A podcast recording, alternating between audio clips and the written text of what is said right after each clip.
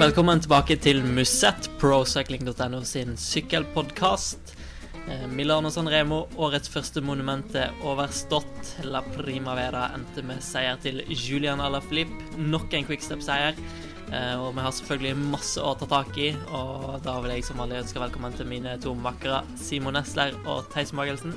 Takk, takk, takk, Knut. Det er en ære å være tilbake. Jeg føler det er så lenge siden sist, men det er jo egentlig ikke det.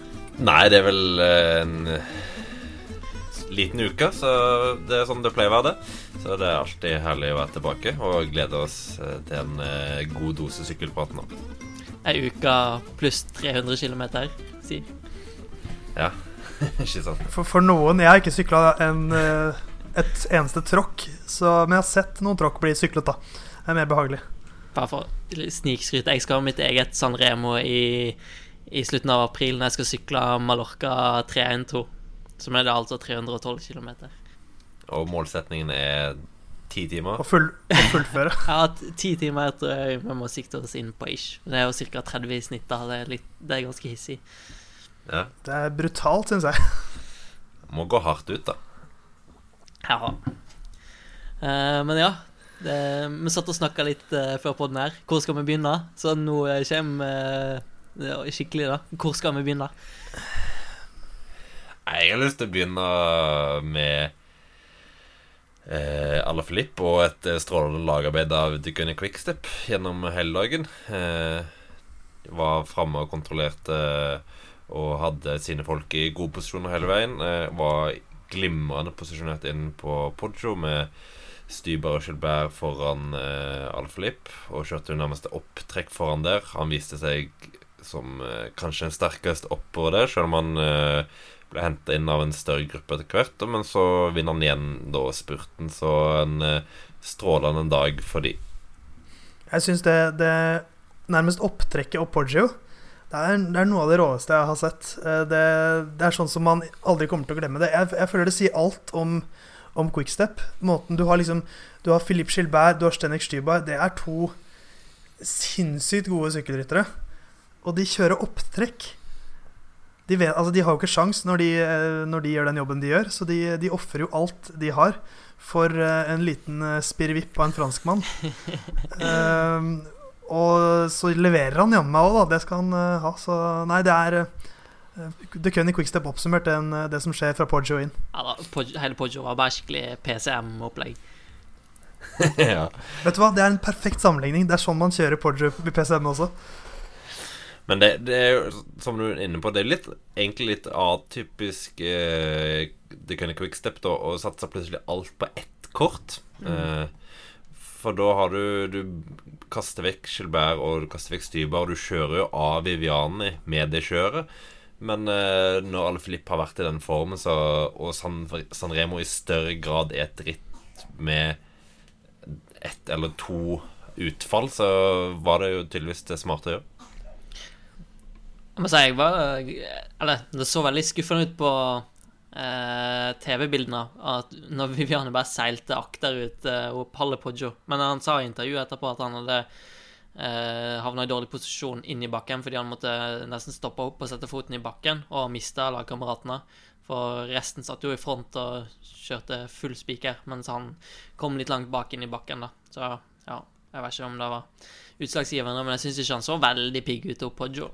Amund har snakket om at han kom i klem eh, rett før Poggio. Eh, og Greg van Avermat, som jo kanskje var den store skuffelsen, som han ofte egentlig har i, San Remo, eh, satt jo veldig fint kanskje en kilometer før bakken, men han har jo havnet veldig langt bak og var jo Ja, han snakka jo ikke med presten etter målgang fordi han var såpass skuffa, så det er alltid noen som blir, et offer for den posisjonskampen der.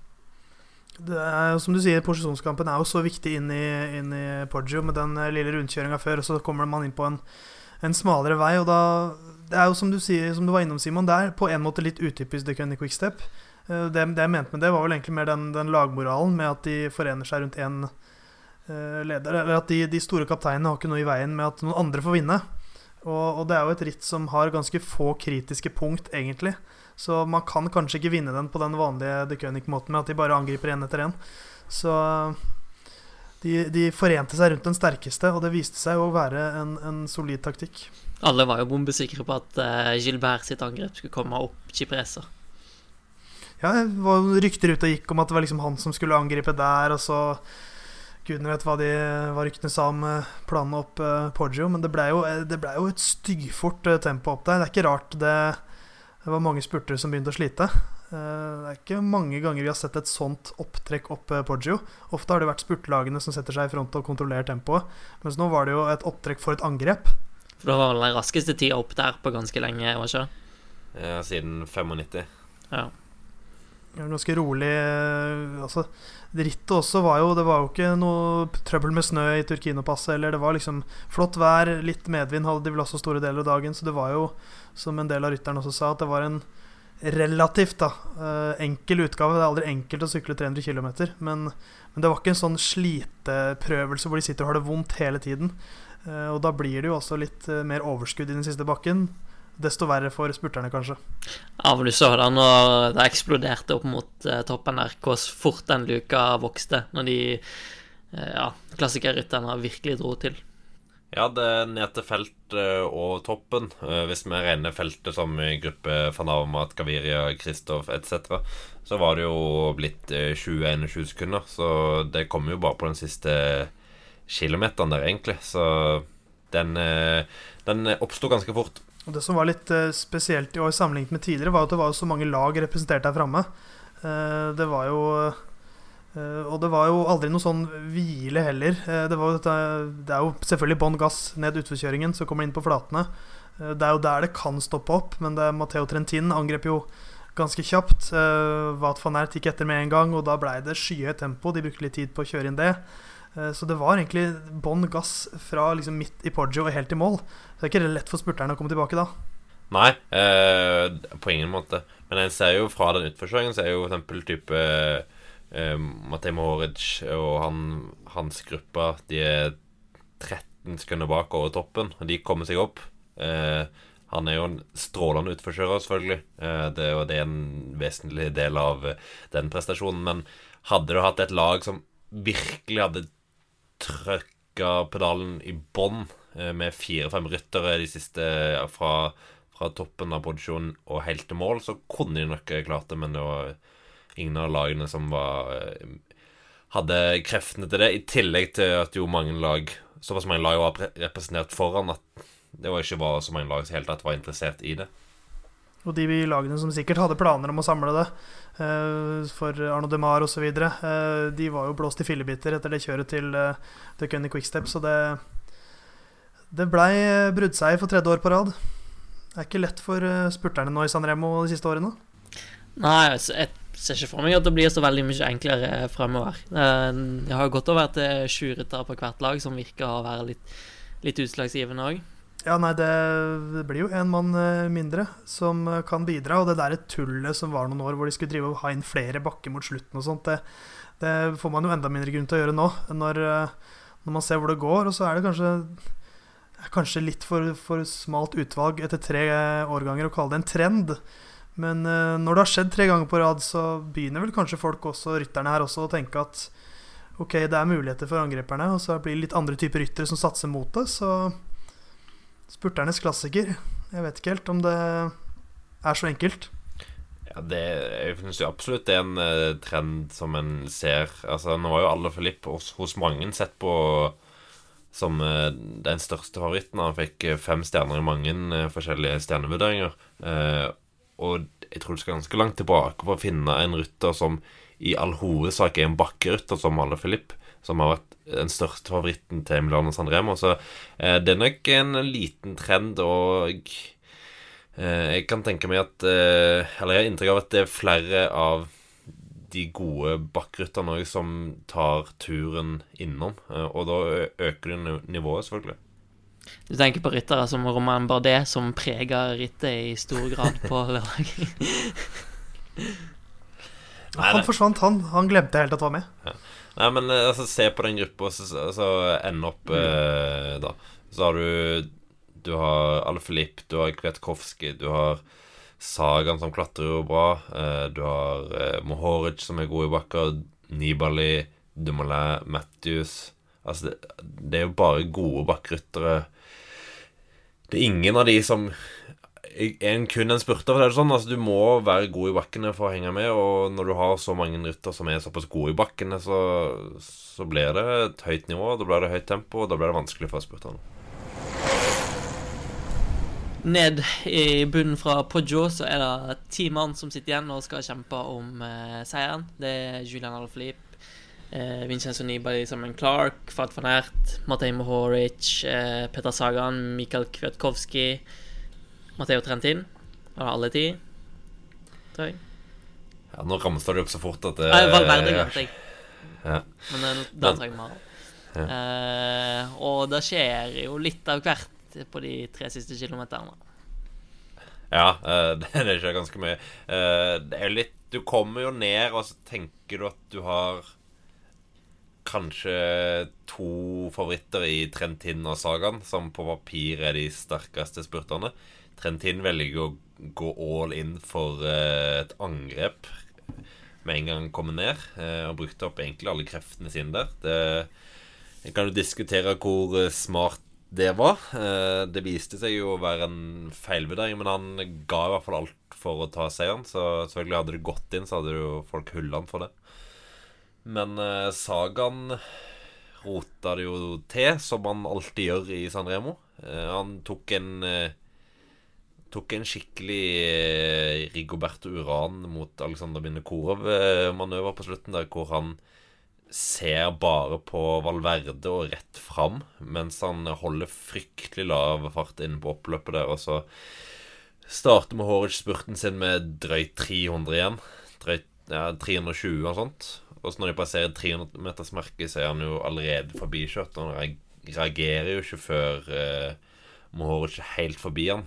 Og når han eh, først måtte da starter spurten sin, så har han jo så lav fart at han med 200 meter igjen er nede i 56. posisjon, og da, er han sjanseløs på seieren. Så det er en helt håpløs spurt av Saga. Altså, det er greit nok at du tenker at Valverde er farlig i en sånn finale. Altså, Han er jo ekstremt erfaren, uh, har en seig spurt og alltid en luring. Men at du blir så oppsatt av Valverde i den avslutningen, er litt merkelig, syns jeg. Det er jo fascinerende, syns jeg, at, at, de to rytterne i den gruppa som har den beste spurten, er de som gjør de taktisk svakeste valgene mot slutten. Eh, som du sier, Simon, det, det, angrepet til Trentin det hadde blitt hyllet hvis det gikk inn. Og det er jo Wat van Ert som gikk ut etterpå og sa at han trodde det var vinnerangrepet. Så han var, det var han som tettet det ene og alene. Hadde ikke han vært på han så kjapt, så kan det godt hende at det hadde gått inn. Eh, men igjen, Trentin har jo vist seg som en veldig god spurter de siste siste tiden. Så at han ikke stolte mer på spurten sin, overrasker meg litt. Eh, og så var det jo et øyeblikk der eh, hvor var det Alfa Lipp som lå i front, og så stopper han opp, og så plutselig er Sagaen i front. Ja, stemmer. Mm. Og da, da, Jeg tror det var da han havnet i en litt sånn Ok, nå er det alle mot meg igjen her. Og så, ja. er, er det selvfølgelig et aspekt som alltid må nevnes. De har syklet 300 km. Uh, og det er veldig lett for oss å sitte her uh, på, i våre lave kontorstoler og med, med noe kaldt i glasset, eh, ikke alkoholholdig, og bare vurdere iskaldt. Men, eh, men det, nå har det skjedd så mange ganger med Sagaen at jeg, jeg, tror bare at han mister det litt. At sånn det, det, er lett å gjøre feil vurderinger i, når du er helt på stålet. Jeg begynner å tro at det er det som har skjedd hver gang. Så at han bare er ikke helt til stede. Ja, for altså Det er jo forståelig at han, at han ser seg ut til sida, for han ligger jo uh, på venstre side i veibanen. Men problemet er at han ligger jo ikke langt nok til venstre. Han har ligget helt inne ved gjerdet, så han er jo stengt og så hatt full oversikt utover. Men han åpner jo begge sider og har så lav fart at hvis noen kommer forbi, så har de mye større fart. Så Nei, det er, det er Han bare, gjør alt feil. Ja, det er juniorfeil, rett og slett. Altså, det, altså, når du kommer ned eh, på de smale svingene ned fra Poggio, og det bare skyter fart ut på Det er vel rett frem hele veien, bortsett fra den ven, høy, ja, venstre-høyre-kombinasjonen under kilometersmerket. Så var det ganske rett, så du kommer med veldig stor fart. Eh, og Trentin Lars er jo sikkert Han går jo prøver å ta en slags kansellara, da. Og det er lett å la seg liksom lure når du ser med så god fart der du føler du flyter på veldig høy fart. Så bare Hvis jeg skyter av gårde nå, så henter ingen meg. Eh, så det er en litt dårlig vurdering. Men sånn som Sagan, han er i så stor gruppe. Problemet tidligere har jo vært at han har gjerne vært i mindre grupper, som er ekstremt oppmerksom på han. Men her er det så mange, og mange som gjerne er avhengig, eller vil prøve å angripe, at det er mye lettere å lure seg med bakerst der. Så at han klarer å rote seg først inn på det oppløpet Det Ja. Nei. Jeg ble, skik jeg ble skikkelig forbanna da jeg så det. Men, men jeg syns jo det er noe litt sånn Det er greit å bli forbanna, men jeg syns nesten det er noe litt sånn vakkert med det. Jeg, jeg blir bare enda mer Altså For meg blir sagaen nesten bare enda større når han har noen skjønnhetsfeil. Uh, og det er sånn Han har vunnet VM tre ganger på veldig sånn taktisk kloke måter. Og han har vunnet så mye, men akkurat her så knyter det seg alltid. Og det er kanskje noe med den derre Den finalen er jo ganske unik med Bon Pinne og Poggio, spesielt i år. Alle var nok på på grensa der så er det en heseblesende utforkjøring hvor ingen rekker å ta, hente seg inn igjen. Så plutselig kommer du til de flate to kilometerne hvor du skal være iskald, og du har en stor gruppe med masse forskjellige folk. Det er mye bevegelse. Det er veldig dynamisk, hele den situasjonen på slutten der. Mye bevegelse i gruppa. Alltid noen som altså Angrepet til Trentin, så tette van Ert. Så er det mye sånn endringer, for Al Filip er i fronten, han stopper opp. Og så blir det kanskje bare for mye selv for Peter Sagan, da. Og jeg syns For meg så er det nesten bare litt vakkert at han eh, ikke får det til. Er det vakkert etter ni ganger? Ja, for, for, meg så blir det nesten sagaen bare større av det her. For jeg, jeg syns det er det er, no, det er noe fascinerende når liksom verdens største syklist klarer å gjøre så elementære feil. Gang på gang på gang. Eh, nå ringte det plutselig på døra til Simon her, eh, og inn kom eh, Magnus Drivenes, Musett-legenden. Velkommen tilbake, Magnus. Long time no see. Ja, tusen takk. Det kom litt brått på. Jeg var bare innom eh, Simon skulle levere et kamera. Og så hører jeg at jeg er midt i, eh, midt i eh, podkastinnspilling, og da jeg har jeg en glede å være tilbake. Ja, du, du, er ikke snauere enn at du ser ditt snitt og får litt oppmerksomhet igjen? Ja, nå var det lenge siden jeg har fått oppmerksomhet. Ja, Jeg fikk jo dette her eh, Lanterne Rouge, det røde startnummeret av dere her for er det forrige episode? Et par episoder siden. Det er noen episoder siden du fikk for det legendariske intervjuet ditt. Ja, eh, og det var hyggelig at eh, jeg fikk litt oppmerksomhet. Eh. Men ja, litt tyn syns jeg det var. Og det var hyggelig at dere var påpasselige med å på en måte ikke bare slakte meg, men liksom innimellom komme med litt sånne positive ord. da Og det setter jeg pris på, Theis.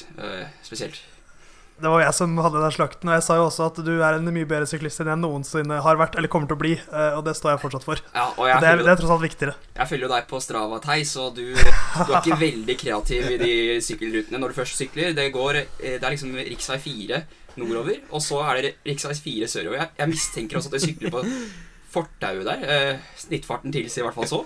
Men det, begynner, det er langt mellom disse sykkelturene dine, Theis. Jeg er vanemenneske, vet du. Men jeg sliter litt med å få i gang vanene. Ja. Dørstokkmila er den lengste for meg. Ja, jeg skjønner. Nå fikk jeg i hvert fall Magnus eh, kritisert litt tilbake her, da. Eh, ja. Og så, så, kan Magnus få velge, så kan Magnus få velge om han vil fortsette å kritisere, eller om han vil eh, gi ros. Eh, og fortsette å snakke litt om avslutningen i Milano San Remo.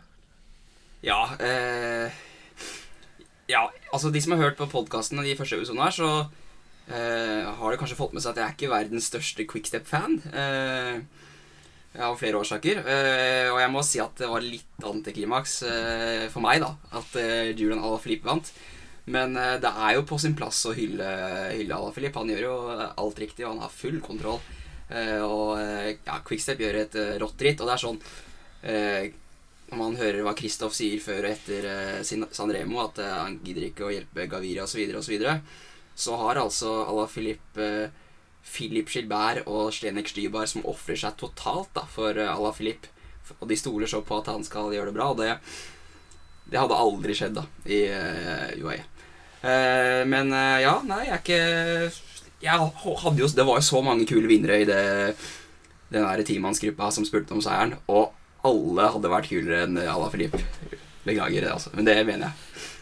Nasen van Ert uh, ja. Valverde? Selv du, Magnus? Nei, ok, grensen går Valverde. da hadde jeg blitt lei meg, faktisk. ja Men for å utfordre deg litt på uh, den quickstep-greia uh, Filip er vel et mye tryggere kort i den avslutningen enn Gilbert og, og Ja, Stivere? ja. Ja, på samme måte som Ja, uh, som Gaviria er eh, i forhold til Christoph. Men eh, eh, det sier jo litt at det er et kollektiv, da. Eh, hvilket kollektiv det er, når de gjør det på den måten, da. Det er ikke sånn at uh, Stybar først går på et angrep for å kjøre for egne sjanser, og så sitter Alaphilippe markerer bak. Det er De kjører faktisk skikkelig opptrekk og uh, set, gjør farten høy, da. Selv om Viviani sliter liksom ballen. Tenker jeg, da. Men jeg vet ikke om jeg er helt enig med, med Kristoff-kritikken din. Eh, For han kjørte vel tross alt, hevder han selv i hvert fall, et opptrekk for eh, Gaviria. Men at Gaviria bare ikke passerte han. Ja da. Nei, eh, men eh, jeg syns ikke vi skal dvele for mye ved en spurt eh, om en 14.-plass. Helt riktig. Det er jo eh, det er kun ryttere som meg som bryr seg om sånne plasseringer. En liten historie fra Rådås der, så skulle jo Det var jo da 18 ryttere som var foran i brudd da, i Rådås. Sånn apropos Milano Sanremo.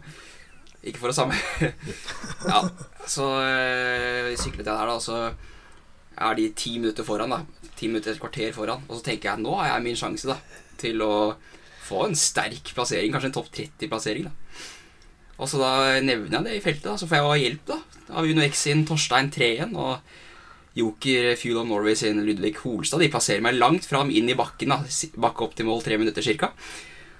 Og så klarer jeg å velte i siste sving. Sving 90-graderen inn i bakken. Å, du verden, det er flaut.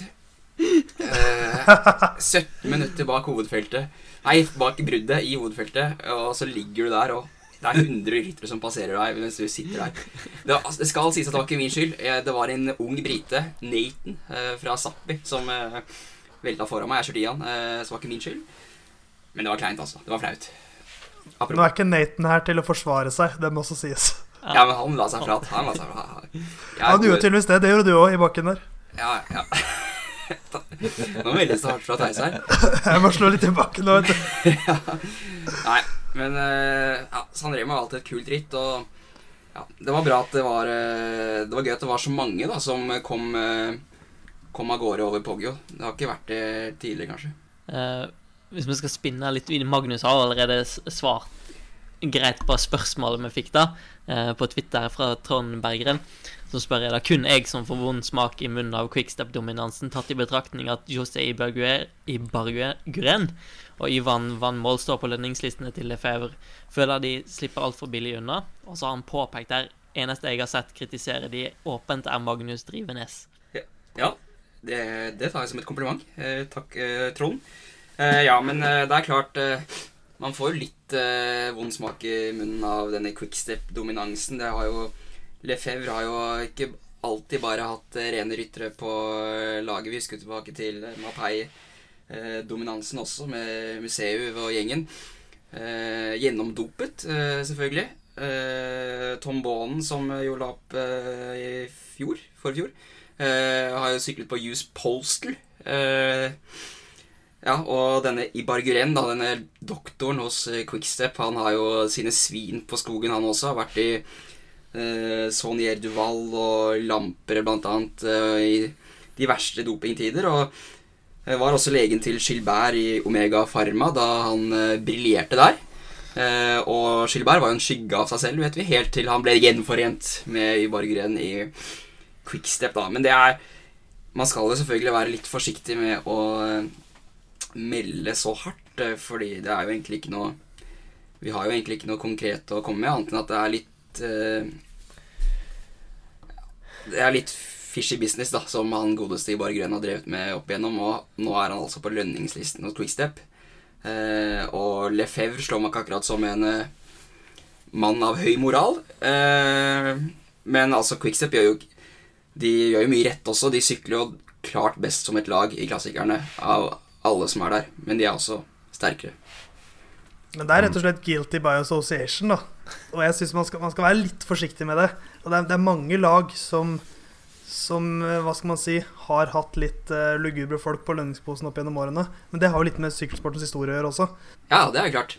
Uh, men uh, jeg tenker at når du er, er liksom verdens beste sykkellag, da, så bør du også gjøre ditt for å eh, kvitte deg da, med disse eh, Altså det som kan eh, trekkes inn negativt eh, i, i forbindelse med ditt lag. Og jeg skjønner ikke at eh, sponsorer og sånt syns det er, er greit, da, når man vet hva, hva som har blitt drevet med. Og han van Moll òg har jo ikke de beste linkene bakover. Han òg har jo eh, et par sånne saker eh, knytta til seg eh, en del eh, fra tidligere støtteapparat ryttere som har eh, hevda at han har eh, drevet på med litt ja, medisiner på sida. Eh, så jeg, jeg forstår veldig godt poenget ditt. Altså sånn så Ta Team Sky, som har uh, fått veldig mye kritikk for de linkene de hadde f.eks. til Gert Leinders og sånt, selv om det var relativt uh, Relativt kortvarig. Eh, Ja, og du må huske at han bare veide rytterne. men det, det er en helt annen tilnærming. som De har jo gått mye mer og fjerna det, og egentlig fått mye kritikk for å ha fjerna de, egentlig. Altså, det har vært mye det, det har vært mye større fokus på det fordi de har gjort noe med det. Sammenlignet med, med Quickstep, som ikke har gjort noe med det, men som egentlig ikke får noe oppmerksomhet rundt det. Ja, jeg tror eh, jeg, For å være helt ærlig så tror jeg at hvis eh, Gert eh, Leinders fortsatt hadde vært i Sky, så hadde de fått høre det ganske så brutalt. Eh, men eh, jeg vet ikke, det har kanskje noe med det å gjøre at eh, Leinders har vært eh, Kanskje litt mer direkte linker, da. Jeg vet ikke. Det er jo, jeg, føler, jeg føler det ligger liksom litt under havet, det med eh, i Bargrønn. Det er ikke det er ikke noe etterforskning som har pågått der, liksom. Eh, hvis dere skjønner hva jeg mener, gutter. Men ja, det er mange, mange gode poeng her. Og det er jo ja, det er jo sånne folk i Jeg skal ikke si alle lag, men i en del lag. Og så klart, det er jo Det er vanskelig å vite hvordan du skal forholde deg til det, for sykkelsporten er jo inne i en ny tid, eh, og det foregår fortsatt juks, eh, som i alle idretter. Det vil det nok alltid gjøre. Eh, Men Knut, altså det som er Jeg tenker litt, da. Når vi snakker om tidligere dopere i sykkelsporten og sånt, så tenker jeg litt sånn Ok, du har sportsdirektører og sånt som har vært på et høyt nivå og sånt, og de har vært innblandet i doping. Ok, det er skittent, det òg, men en ting er leger, eh, tenker jeg. At leger fortsatt er i verdens beste profflag etter å ha drevet med doping i i tidligere lag, det er eh, Tenker Ja. jeg det er, det er jo helt grusomt. Ja. Men så er spørsmålet Det er, det er, alltid noen som, som kommer med ordrene her. Da. Det er ikke sikkert at det alltid er legene som drar i gang dopinga. Eh, Er det, er det verre at det er på en måte hvis det har vært en sportsdirektør eller en eller annen eh, sjef i et eller annet lag som har sagt til sin funnet en eller annen korrupt lege da, som går med på det? Eh, Jeg vet ikke om det er noe bedre. Nei, det er klart. Det, det er ikke noe bedre. Det er jo da vi har Patrick Lefebvre, da. Ja, men uh... Ja, men, altså, ja, det, det, det får stå på din regning. Men, men alle leger er ikke Ferrari eller Fuentes, uh, tror jeg. Nei, men uh, jeg bare mener at det bør være ganske grei skuring å kvitte seg med et Noe som kan tilknyttes doping. Og hvor viktig er det å ha akkurat i Bargren som og Van Mool som leger? Eh, gjør de en veldig mye bedre jobb enn noen leger som ikke eh, ikke har vært innblandet i doping tidligere, eh, kunne gjort? Helt enig. Helt enig. Men alt, alt, alt, alt her handler om historie, da. ja, og relasjoner til folk, ikke minst. Ja, ikke sant? Folk du, folk du stoler på. Hvis, eh, hvis en lege har uh, dopa en rytter for deg, så stoler du på den legen. Eh, og selv om han kanskje da ikke doper en, en rytter lenger, så Eller hvis han gjør det, hvem vet, så fortsetter du med han. Men dette handler jo alt dette med, alt dette med dopere, tidligere dopere i sykkelsporten handler jo om historie. Eh, og jeg håper og tror at det er noe som kommer til å fases ut eh, ettersom man forhåpentligvis oppnår en litt eh, renere sport. For det, er, det må jo være renere i dag enn det var for 10-20 år siden. Det tror i hvert fall jeg. Ja, jeg tror ikke all- det blir mer skittent. For all del. Jeg, jeg også, men det er klart. jeg mener at man kan leve bedre med Steven de Jong som sportsdirektør i Trexega Fredo enn i Bargrøn og Van Mool i eh, Quickstep. Akkurat pga. med hvilken rolle man da har. Jeg jeg er helt enig, Magnus, men jeg, jeg spiller bare litt djevelens advokat nå. Du trenger litt motstand, du òg. Ja, jeg får veldig Jeg er vant med å få motstand. Det har fått i alle år. På alle mulige måter. Magnus eh, har han. Eh, og kan, kan nesten ikke ha Magnus på besøk uten å snakke litt eh, leger og doping. Eh, men kan kanskje hoppe litt bort fra den. Eh, for vi jo, har jo snakka i halve vinter om Christoffer Gaviria og San Remo og Ja, men det ble, ble jo strengt tatt ikke den Ja, det ble jo egentlig ikke noe stor greie, alt etter som ting utvikla seg. Det var jo sjanseløst for spurterne der, når, når det skjer, det scenarioet som skjer på slutten. Det har vi jo pratet litt om tidligere også, at eh, det kjøret der Det var som Kristoff sa etter, etter rittet også, det, det er ikke noe han kan gjøre med det når det blir sånt kjør. Og det er en herlig sak. UAE kunne ikke gjort noe annerledes, eh, slik jeg ser det. Men det var, var det raskeste tiden opp Pogio siden 95 eller noe sånt? da? Ja. Ja, for uh, det er klart det, det er litt uflaks da for Kristoff og Gaviria og oss nordmenn da som hadde gledet oss, og i hvert fall oss sykkeljournalister som hadde gledet oss til å se Gaviria og Kristoff komme sammen i oppløpet. For da tror jeg vi hadde hatt noe å skrive om i noen dager fremover. Om, hvis de hadde spurt om seier, hvis de skulle gjort opp om seieren. Kommer an på hvordan det hadde gått, da. Eh, hadde vel sikkert Sam Bent eller noe sånt kommet å slått dem begge, men eh, Men nei, det, det var jo det, det var jo en litt sånn spesiell utgave. Kristoff vant jo spurten i feltet for fjerde gang på sju år. Så det er jo, som Magnus sa også, det er ikke alle som gidder å spurte for en 14.-plass, men han visste jo ikke om det var en 7. eller 8. eller 10.-plass. Han trodde jo han ble på topp 10. Så så nei, jeg, jeg, som sagt, jeg ser ikke hva de kunne gjort annerledes. Sp- Spurtlag, altså Lagene som kom dit med kun spurtalternativer, de var satt sjakkmatt, egentlig, når uh, The Cunny Quickstep holder på som de gjør. Det de kunne gjort, var jo å få med en mann i den gruppa, som, og så skulle han stått og bare stått over føring og sagt jeg har Kristoff Gaviria bak, men jeg vet ikke om noen av de noen på det laget er sterke nok til det. De, altså, de har jo Ul Ulissi med, men han eh, spiller jo bare en jobb som en hjelperytter underveien, eh, underveis. Så. Hadde Ulissi vært sterk nok, så hadde han eh, sittet i gruppen.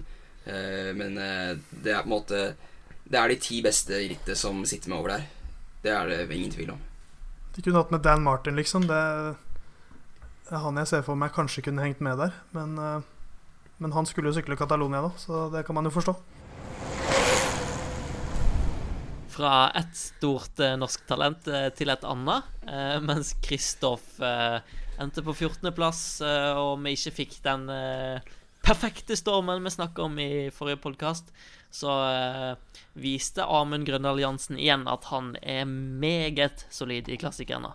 Ja, uh, første Sanremo, og han uh, ender opp på 21.-plass. Nummer eh, Hva var det? Nummer syv i feltet. Syv, syv i feltet. Eh, så det er jo relativt eh, bra, det, som han sa sjøl. Dette måtte vel være innafor, så jeg er vel enig i det. Det er innafor. Slår Sam Bennett, slår Caleb Ewan, slår Arno DeMar. Det Ja, var kanskje ikke alle som gadd å spurte, men, men det er alltid gøy ikke- å si sånn uansett. ja. Men, men, men eh, som debutant, da. En rytter som blir sendt til Sanremo mest litt sånn på gefühlen, skal prøve seg der sammen med Dylan Grønvegen, bli kjent med rittet, teste det ut til senere utgaver. Så blir han altså nesten topp 20, nummer 21. Uh, mye bedre debut enn eh, både Husodd, Kristoff og Boasson Hagen hadde i det rittet. Så var han riktignok noen år eldre enn da enkelte av de andre prøvde seg, men, men uh, det er en veldig solid prestasjon, altså.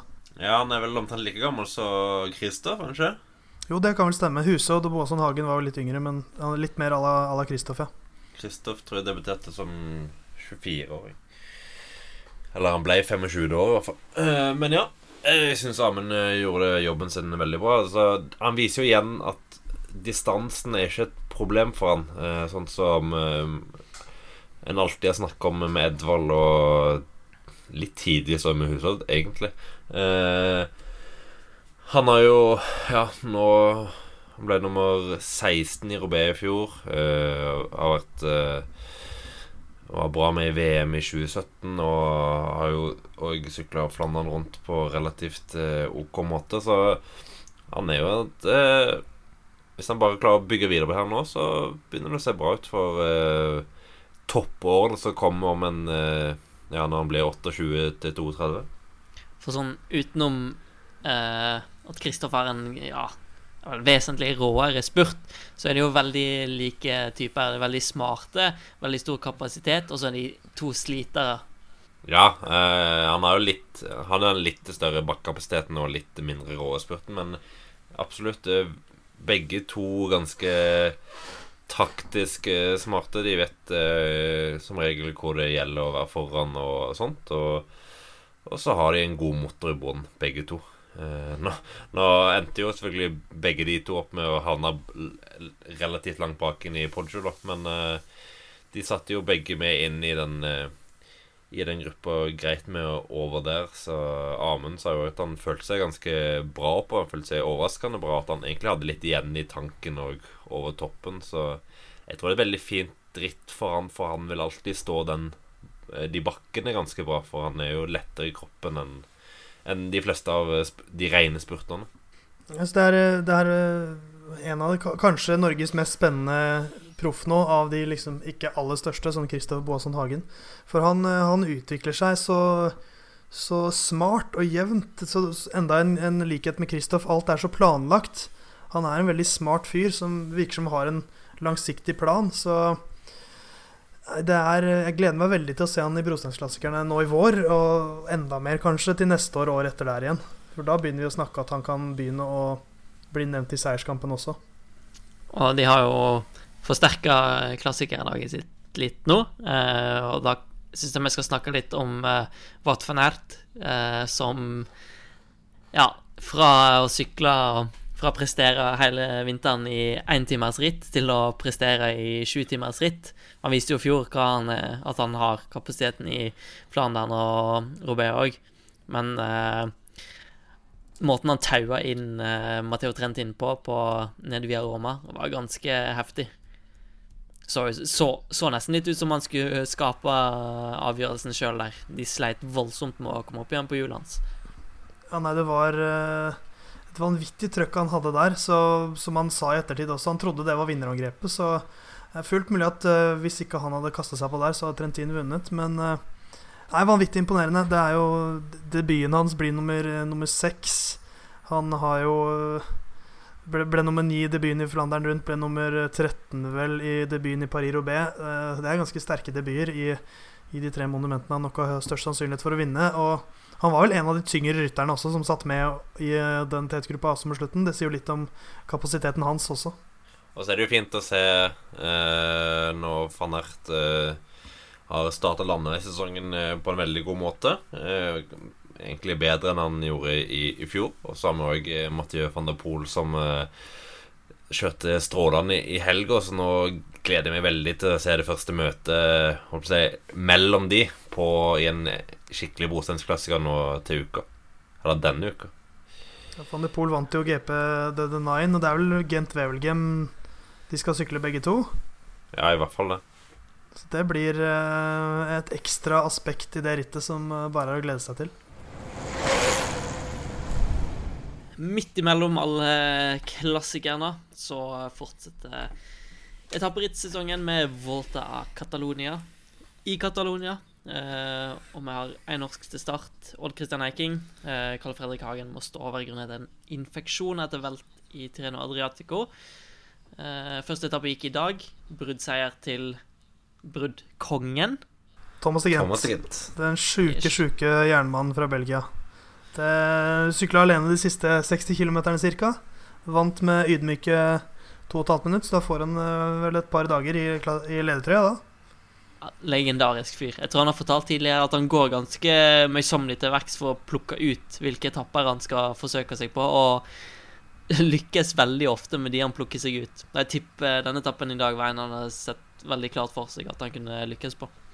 Ja, det er jo den klassiske eh mellomhard etappe som eh, spurterne vil slite i, og hvor spurtlagene vil ønske å kjøre relativt rolig i bakkene for å unngå å kjøre de av. Så da, da det, det er en perfekt bruddetappe, og han er jo Han er jo bruddkongen, så en klassisk, eh, klassisk degenteoppvisning. Så er jo Catalona rundt det, det rittet hvor han vel har flest etappeseier også, er vel hans fjerde, så kanskje et, et ritt som passer han godt. Det er eh, ikke så spurtvennlig.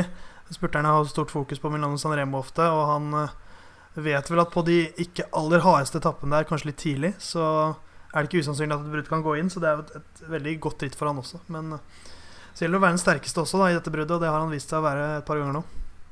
Uh, så er det et uh, rimelig raft startfelt her. Uh, Kommer tøffere etapper utover i rittet, klatreetapper.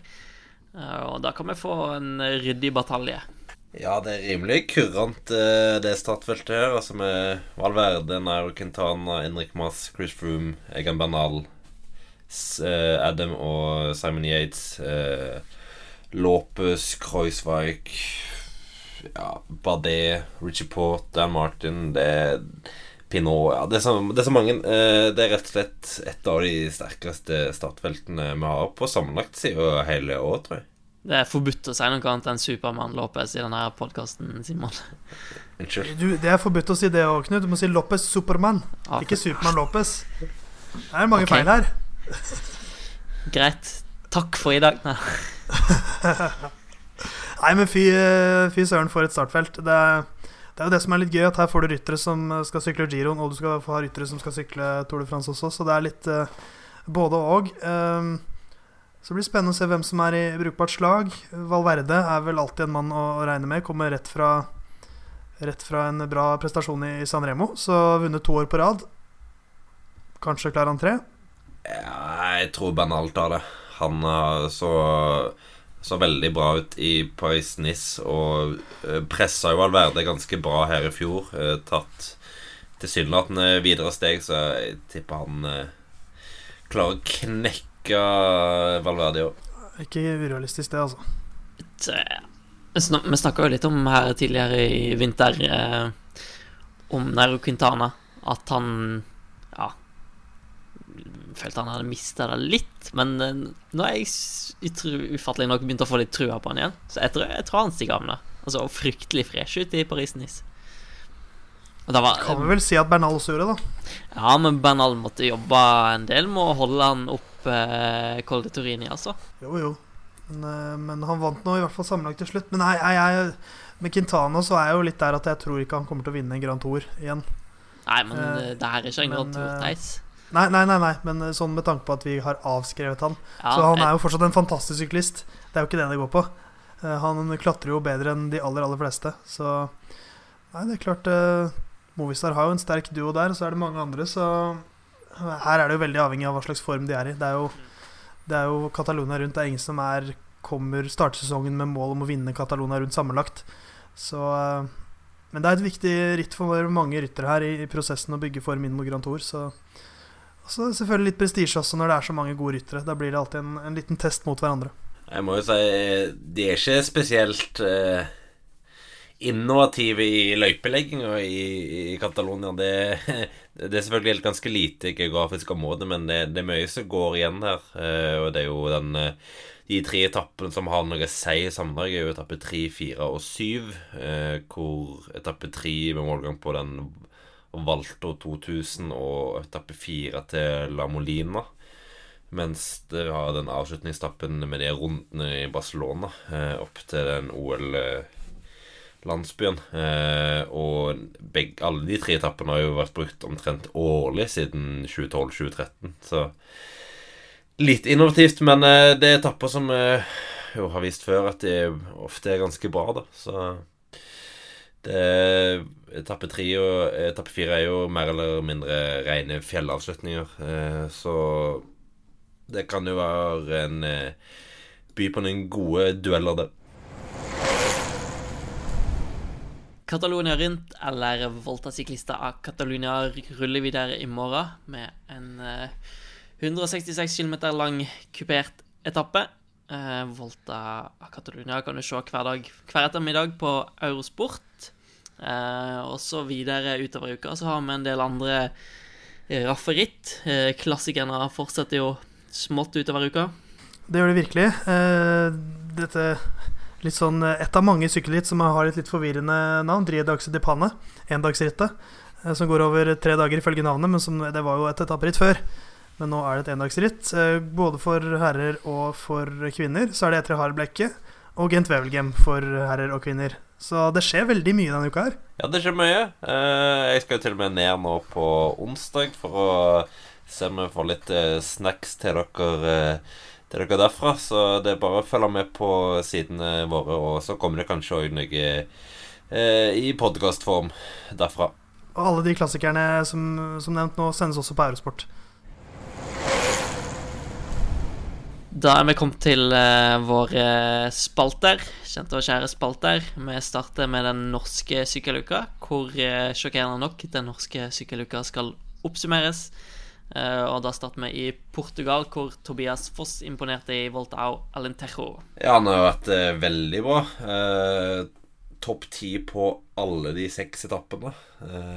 og fjerdeplass sammenlagt og seier i ungdomskonkurransen i et ganske bra startfelt, må man vel egentlig kunne si. Altså, det er mange av de beste portugisiske og spanske lagene under worldtour-nivå, da selvfølgelig, men det, det er mange gode ryttere. Eh, du har han eh, godeste Higita som, eh, som er blitt klar for EF, som havner på femteplass her, og Raul Alacon, Portugal-legenden over alle Portugal-legender, som blir nummer tre på 11 sekunder foran eh, Foss. Han kun 15 sekunder opp til, til vinnerne. Det var jo sekunder som kom på den tempoen på den femte etappen. Så nei, eh, veldig, veldig stødig og god og imponerende kjøring av Tobias. De her eh, FC Porto-rytterne gjorde det jo blant annet ganske OK i Algarve i februar. Ja, det er, det er, jo egentlig veldig høyt uh, nivå, selv om det er et, uh, et uh, ritt på, på 2-2-nivå. Så jeg syns det er godt å se at, at, Foss starter sesongen veldig bra. Han var jo litt anonym første halvdel av sesongen i, i, i fjor, og så avslutta han veldig bra i, i Lavenir og, og, og Koloslovenska. Så jeg syns det er veldig betryggende at han starter veldig bra i år. Tyder på at han har tatt et steg. Ja, i fjor var han jo veldig anonym. Han brøt jo de tre første rittene han kjørte, og han har vært åpen om at uh, han hadde det litt sånn mentalt vanskelig. Det var, han fant ikke helt eh, trivselen og motivasjonen uh, når det fysiske ikke stemte med kalde det hodet. Altså, det gikk ikke som han forventa. Han fikk en liten knekk av det, men så har han lært mer av det. og reist seg, kom tilbake og tatt tydelige steg i vinter, hvor han har uh, bodd nede i Girona mesteparten av, eh, av, vinteren, så nå ser han ut til å være på et veldig bra nivå. Klar for uh, Jumbo Visma i 2020. Ja, det er ingen uh, Jeg tror ikke du får ekstremt uh, gode odds på det. Det er nok oddsfavoritten der. Det lever jeg veldig fint med, for det tror jeg er en nydelig overgang. Absolutt. Vi har vel uttrykt at vi har litt kjærlighet for Jumbo Visma tidligere. Du må jo elske det eneste norske World Tour-laget. Helt norske, 100 norske World Tour-laget. Men uh, vi må vel uh, påpeke at vi, vi skrytte av Jumbo Visma før det ble Jumbo Visma, gjorde vi det? Ja ja, vi er hipsterfans, vi. uh, videre så var Katrine Aalerud i aksjon i Trofeo Alfredo Binda. første rittet hennes for Team Virtu denne sesongen. satt ganske fint med der, for så vidt. Ja, hun satt ganske bra med ganske lenge. Hun var på et eh, litt angrep eh, tidlig i rittet, og så eksploderte det jo i siste bakke. Eh, hadde ikke helt beina til å følge med da, men ja, kom seg fint inn og endte rett utenfor topp 20. En 23.-plass, noe sånt. Ikke en, ikke en, overbevisende spurt, men det har vel heller aldri vært hennes store, store styrke.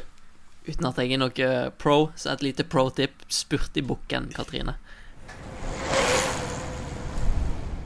Vi går videre til spalten der Spaltene der kritikk og hyllest skal deles ut. Og vi starter vel med det negative i dag. Gjør ikke vi det, Theis? Det gjør vi. Det er negative Theis som har tatt på seg sin negative vest og hatt og skal dele ut litt kritikk. Uh, og denne uken så har jeg valgt en mer sånn konsept og noe i sykkelsporten som jeg ikke liker. Uh, og det, det, er på sitt tydeligste, syns jeg, under vårklassikerne. Når man sykler rundt på ofte ganske trange veier. Det er kamp om, om, om posisjonene.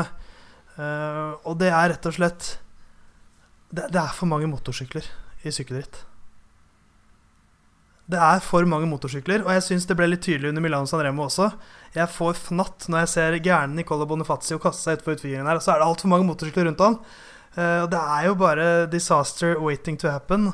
Og spesielt i disse brosteinsrittene også. Eh, når de sykler langs veiene i Flandern rundt, og så er det 17 motorsykler som virrer rundt omkring i feltet.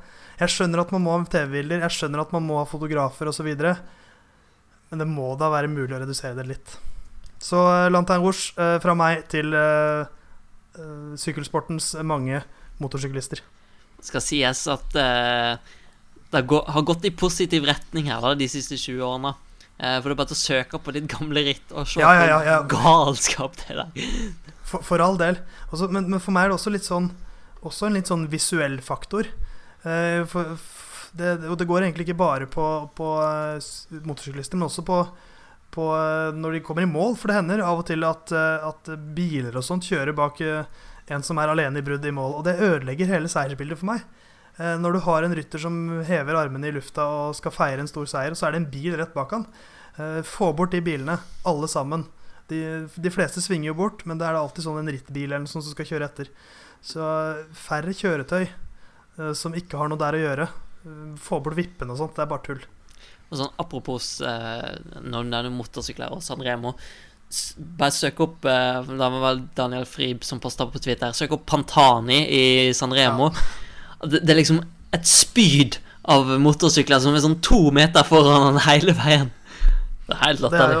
for, for det er jo faktisk det verste her, er når, når du sitter og ser på TV, og så bare ser du Nå, den sykkelen er altfor nærme nå. Nå, nå. nå drar han så stor fordel av det. Og det Jeg satt og følte litt på det opp Poggio, faktisk, et lite øyeblikk der, hvor det var litt for kort avstand fra The König-toget til nærmeste motorsykkel, så Nei, jeg vil bare ha litt færre av dem. Færre motorsykler. Eh, hva vil du se mer av, Simon? Jeg vil eh, Det er litt i Theis toucher litt innom uh, hyllesten, uh, for den går til Nicolo Bonifazio, som uh, etter dørgende kjedelig skipress har bestemt seg for at her må vi gjøre et eller annet. Her skal vi sette en ny personrekord eh, ned. Han bor i området, vet at nå er det Veien er stengt. Det er bare å dundre ned. Og han ja, Den utforkjøringen der er noe av det sykeste jeg har sett. altså Men i- ironien i det der Her er veien stengt, og så er motorsykkelen her i veien foran. Ja, ikke sant? For det, det skjedde jo Jo, flere jo, men- ganger. Ja, Men han fikk jo masse pes òg, så er jo det, Så lenge det gikk bra, så var det jo egentlig eh, greit, hva, men altså, det, den utforkjøringen der jeg, Han kjørte så eks... Han har jo en halvminutt til feltet når han kommer ned den utforkjøringen på fire-fem kilometer. Så jeg, jeg hyller gutsen hans for det, det var rått å se. Han skal ha for motet, men jeg er sikker på at jeg hadde høyere puls da enn det han hadde. Jeg, jeg blir så nervøs, når, når jeg, spesielt når jeg ser han var i ferd med å ta igjen syk, altså motorsyklisten og sånt. Og, nei, det, men det var, det var jo helt sjukt å se på, så han Ja, fortjener, han- han fortjener den. Ja. Han kjørte jo rett og slett raskere motorsykkel, men de klarte jo ikke å, å ta svingene like raskt. han, Så Nicolo Bonifazio er en villmann på sykkelen. Ofte i spurten er han fullstendig ute å kjøre fordi han gjør så mye rart, men han er jo fullstendig gal utfor. Hvis vi igjen skal komme med et uh, pro-tip fra vår pidestall her, spar deg til spurten neste år, kanskje. Ja, så, skulle vel vi- Så det ble versert rykte om at han skulle vise seg fram for kompisene sine som sto uh, i bånn av uh, utforkjøringen der, så det var, var mulig det han eh, Han ville bare vise seg fram, men uh, ja. Han eh, har jo en god spurt, så resultatmessig så hadde det vært fryktelig mye smartere å vente når du uansett ble kjørt inn på det stykket mellom Chipressa og Poggio. Ja, nå eh, litt frem og tilbake her. Men hvis, eh, på slakten igjen eh, Altså, folkene i Milano San Remo må slutte med de der ja, blussene sine. Nå holdt jeg på å banne her, men den forbanna blussen Og på Chipressa? Nei, det, Ja, nei det var jo, Capo Capo, Ja. Capo Berta. Der det faktisk i år tok fyr. Ja. Ja. Det var en busk der som eh, Jeg vet ikke om det var Gud som åpenbarte seg der, eller noe sånt, men, eh, men det var i hvert fall en brennende busk som hadde tent fyr, eh, blitt tent fyr på av noe bluss. Så nei, det, det blir ganske rå eh, sånn stillbilder og sånt av det, men det er jo så idiotisk å gjøre. Så Ja, for, det er ikke en god nok unnskyldning. folk som har svelget litt sånn luft før, vet hvor jæ... Ja, unnskyld, nå banner jeg igjen, men uh, Ja, men Det er såpass ille. Altså, de, de, får, de får ikke uh, Lantern Rouge. De får nest siste plass i sammendraget, som, ikke, som er enda verre, egentlig. Fordi da er det ingen som legger merke til deg. Så slutt med det. Eh, og så kan vi heller se på Bonifacio sin uh, utforkjøring. Da var dagens uh, ukens pod. Uh, mye god sykling til å se Mye god sykling å se fremover til denne uka. Eh, og den ser du selvfølgelig på Eurosport Norge, der Theis skal i aksjon litt senere i uka. Skal kommentere avslutningen i Catalonia, så alle må tune inn. Og alle som liker podden, liker vel sikkert Theis, så da, da Ja, bør de tune inn der. Nei, det, jeg skal ta de tre siste etappene av Catalonia, i hvert fall. Så får vi se hvordan, eh, hvordan det går. Men eh, nei, det har vært en eh, fin podkast. Jeg føler vi har vært dekket så mye. Jeg, jeg, jeg trodde dette skulle bli en sånn ren Milan San Remo-podkast, men vi har jo vært all over the place. Ja, Jeg, jeg spådde jo 94,79 eh, San Remo i denne podden. Jeg tror jeg bomma litt med det anslaget, men eh, det ble vel bra likevel, Simon. Ja, du får, eh, du får skylda på Drivenes. eh, og hans inntog. Han bringer med seg en ånd eh, og en mental tankegang som sprer alt av tanker. Theis får prøve å få skuta på rett sjøl nå når han skal ha sin, sin appell. Ok, jeg skal, jeg skal gjøre mitt beste. Eh, vi her i Musett-redaksjonen setter stor stor pris på alle der eh, hjemme. Du der hjemme som hører på denne podkasten. Tenk at du har hørt oss hose så lenge. Det er ganske imponerende. Så eh, vi blir enda mer glad hvis du går inn på iTunes. Fordi det er et ganske viktig sted for oss som driver med podkast. Der ligger det lister osv. Så, videre. så søk gjerne opp Musett der. Trykk på abonner og last oss ned. Og veldig gjerne slenge inn en rangering. Helst fem stjerner.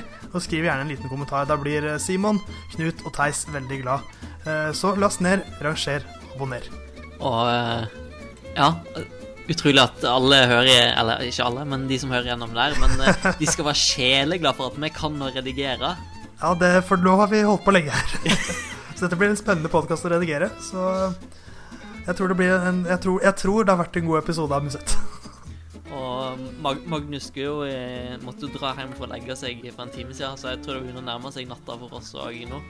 Så eh, får du heller eh, følge med på Eurosport Norge denne uka, og så er vi tilbake neste uke. Så får vi høre på litt mer tullprat. Følg med på procycling.no sine sider i dag. Det er ikke, ikke dumt tips. At the head of the show we have Knut the Beast from Osterøy. Er det det du kaller det? Nei, men uh, altså Det var sånn greie For sted, ja, stedet jeg kommer fra, heter Lone. Sjokk. Uh, men så alle kalte meg fra Oksen fra Lone. Oksen fra Siden Lone. Thor var kjent som Oksen fra Grimstad, liksom, så var jeg. Oksen fra Lone. Eller det var, kalt eh, det var som- kalven, kalven fra Lone en periode òg. Kalven, ja. Litt yngre. Jeg trodde du fremst var kjent som Lone Pus. Jeg. Er ikke Ja, det er først i senere årene. Kjært barn og mange navn. Jeg var, jeg var Theis taktskifte de årene jeg sykla litt. Taktskifte? Jeg, jeg vant et sånt jeg, jeg fikk det navnet der. Jeg vant eh, et treningsritt på Sørlandet en gang. Og da plutselig valgte de å kalle meg for Theis taktskifte.